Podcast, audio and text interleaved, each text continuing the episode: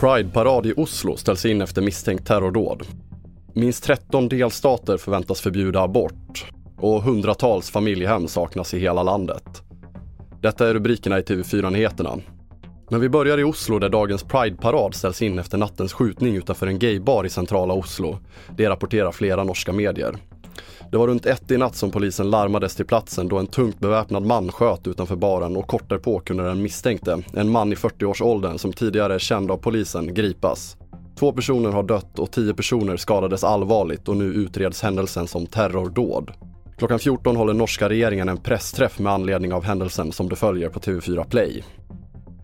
Och vi fortsätter i USA där minst 13 delstater förväntas införa förbud mot abort efter Högsta domstolens beslut att häva den grundlagsskyddade aborträtten igår och tusentals människor samlades i protest runt om i landet.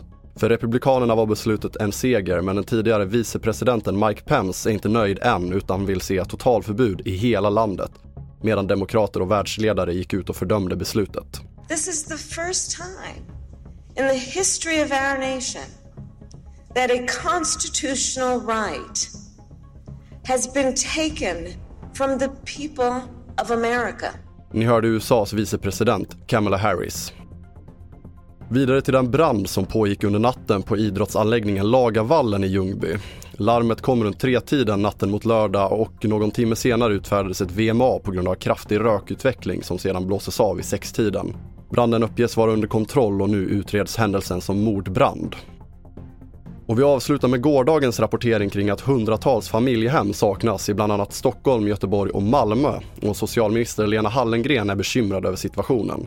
I höstas tillsattes en utredning för att se över kvaliteten och tillgängligheten till familjehem och HVB-hem. Dels har vi en utredning som arbetar med att titta på hur vi ska få bättre kvalitet i de familjehem som finns, hur vi ska få fler familjehem och hur vi kanske också ska ha ett register över familjehem. Men sen handlar det också om att varje kommun och varje region måste arbeta för att också vara attraktiva och se till att attrahera eh, familjer att vilja vara familjehem, att förklara vad det handlar om och vilken insats som man förväntar sig sa socialminister Lena Hallengren.